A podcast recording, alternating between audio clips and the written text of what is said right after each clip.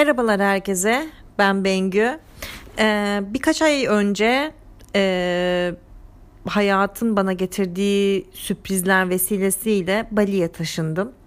E, bu podcast serisinde de burada öğrendiğim, karşılaştığım, şaşırdığım şeyleri sizlerle paylaşacağım. E, podcast serisine karar verirken tabii ki kafamda bir şeyler vardı ama e, aslında hikaye benim burada yaşadığım anlık günlük şeylere dayandığı için birazcık da böyle akışta neler olacağını birlikte göreceğimiz bir yapıda olacak. Ee, umarım benim için de sizin için de keyifli olur.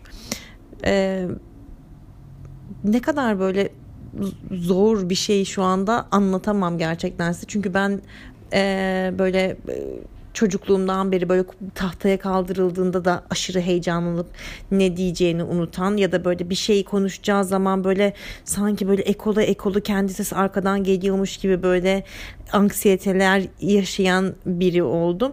E, şu anda da yani normalde e, etrafımdaki insanlara çok kez anlattığım bir şeyi kaydediyorum ama sanki böyle yüzlerce kişinin önündeymişim gibi böyle şu anda normalde e, her zaman olduğumdan daha ciddi ve daha böyle spiker edasında konuşuyormuş gibi hissediyorum kendim ama bir yandan da bunu engel olamıyorum. Gerçekten çok zormuş.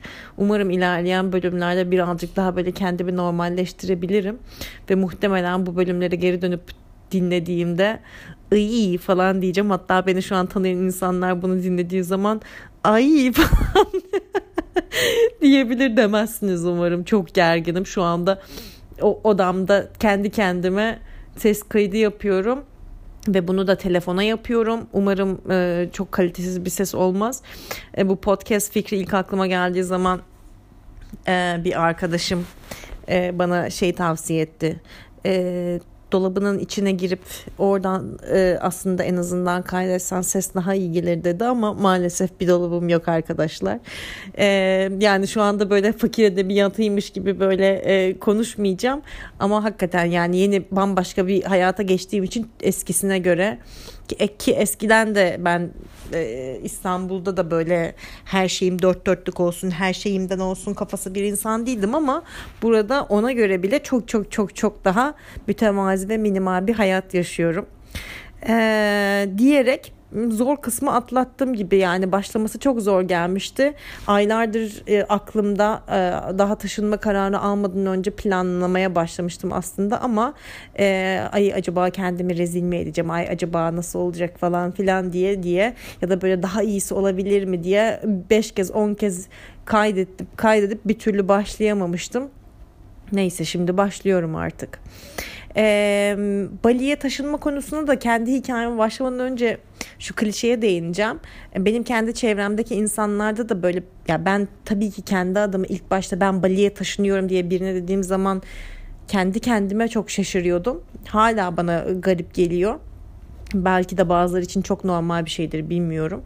Ee, ama böyle şöyle bir klişe var. Sanki böyle Bali'ye taşındım ben deyince insanlar şöyle zannediyor. Bir, villada yaşıyorum. Böyle sonsuz havuzu var. Ee, pek bir şey yapmıyorum. Gün içerisinde sadece yoga yapıyorum. Ee, onun dışında plajdayım, surf yapıyorum. Ee, Bali'ye taşınma kararımı da işte senelerdir e, çalıştığım e, global şirkette e, artık böyle hayattan yeter Allah'ım yeter deyip efendime söyleyeyim kendime ait İstanbul'daki evimi kiraya verince zaten yaşayabilecek param olacağından e, kendimi keşfetmek üzere çıktığım uzak doğu tatilinde aa buraya aşık oldum ben ben buraya aidim falan diyerek taşındım falan gibi bir şey zannediyor insanlar ama hiç öyle bir hikayem yok. Eee geçen sene Mart ayında en yakın arkadaşım Uğur aradı beni dedi ki Bengü sikerler ya biz Bali'ye mi gitsek dedi. Ee, ya podcast'te küfür etmenin bir sınırı var mı bilmiyorum. Umarım yoktur. Ee, bunu böyle şey için söylemiyorum. Ee, bunun böyle marjinal cool ya da şey olduğunu zannetmiyorum. Ee, ben e, normal günlük hayatında da hatta iş hayatında da yani reklamcı olduğum için tabii daha rahat bir çalışma ortamından geliyorum ben. Ben küfür etmeyi severim. E, çünkü bence doğru yerde edilen küfürün etkisi hiçbir noktalama işaretinde vesairesinde olmuyor. Gayet de yerinde ve güçlü ve altını çiziyor altını çizmesi gereken şeylerin. O yüzden birazcık küfürlü konuşuyorum. Umarım kimsenin de zoruna gitmez.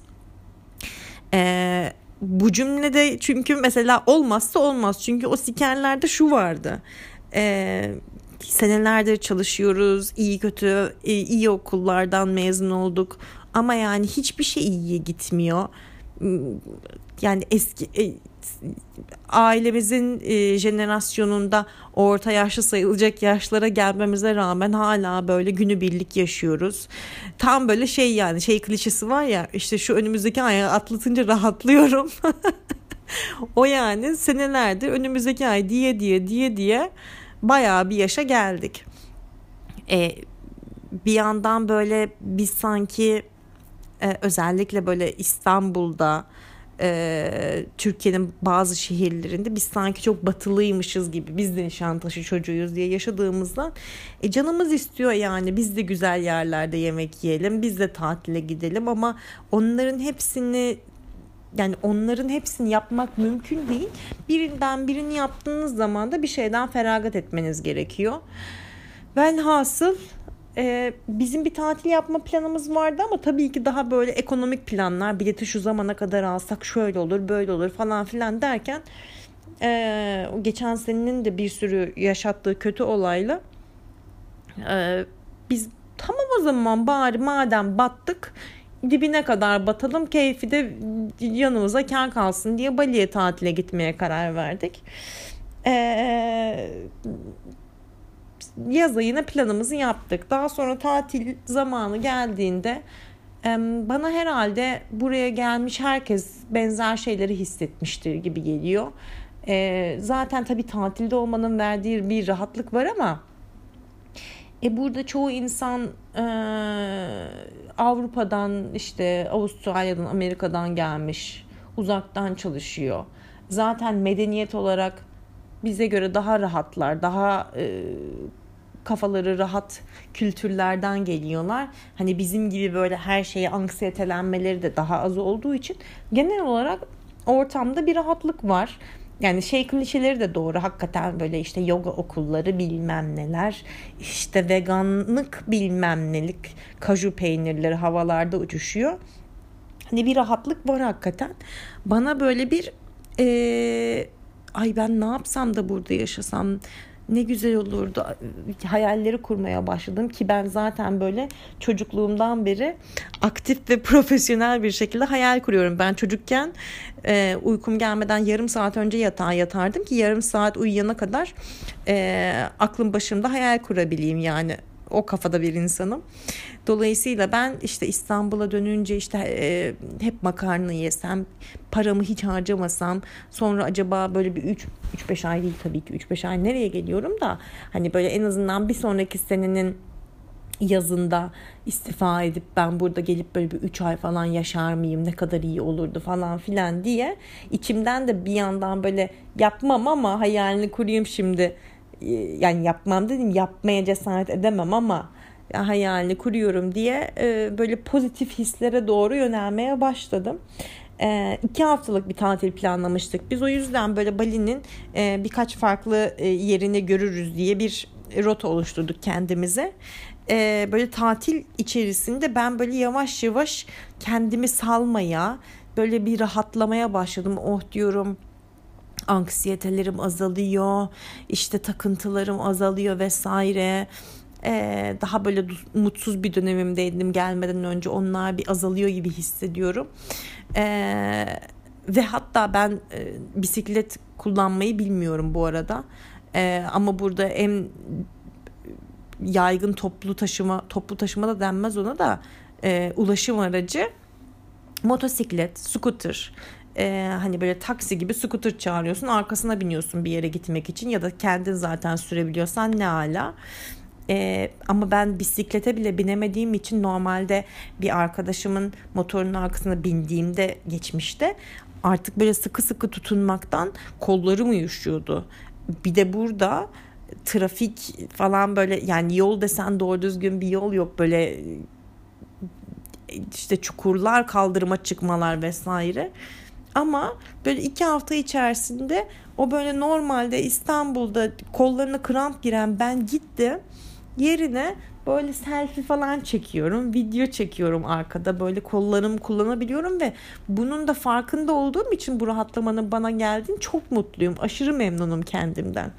Neyse tatilimizin son durağı Canggu diye bir yerdi.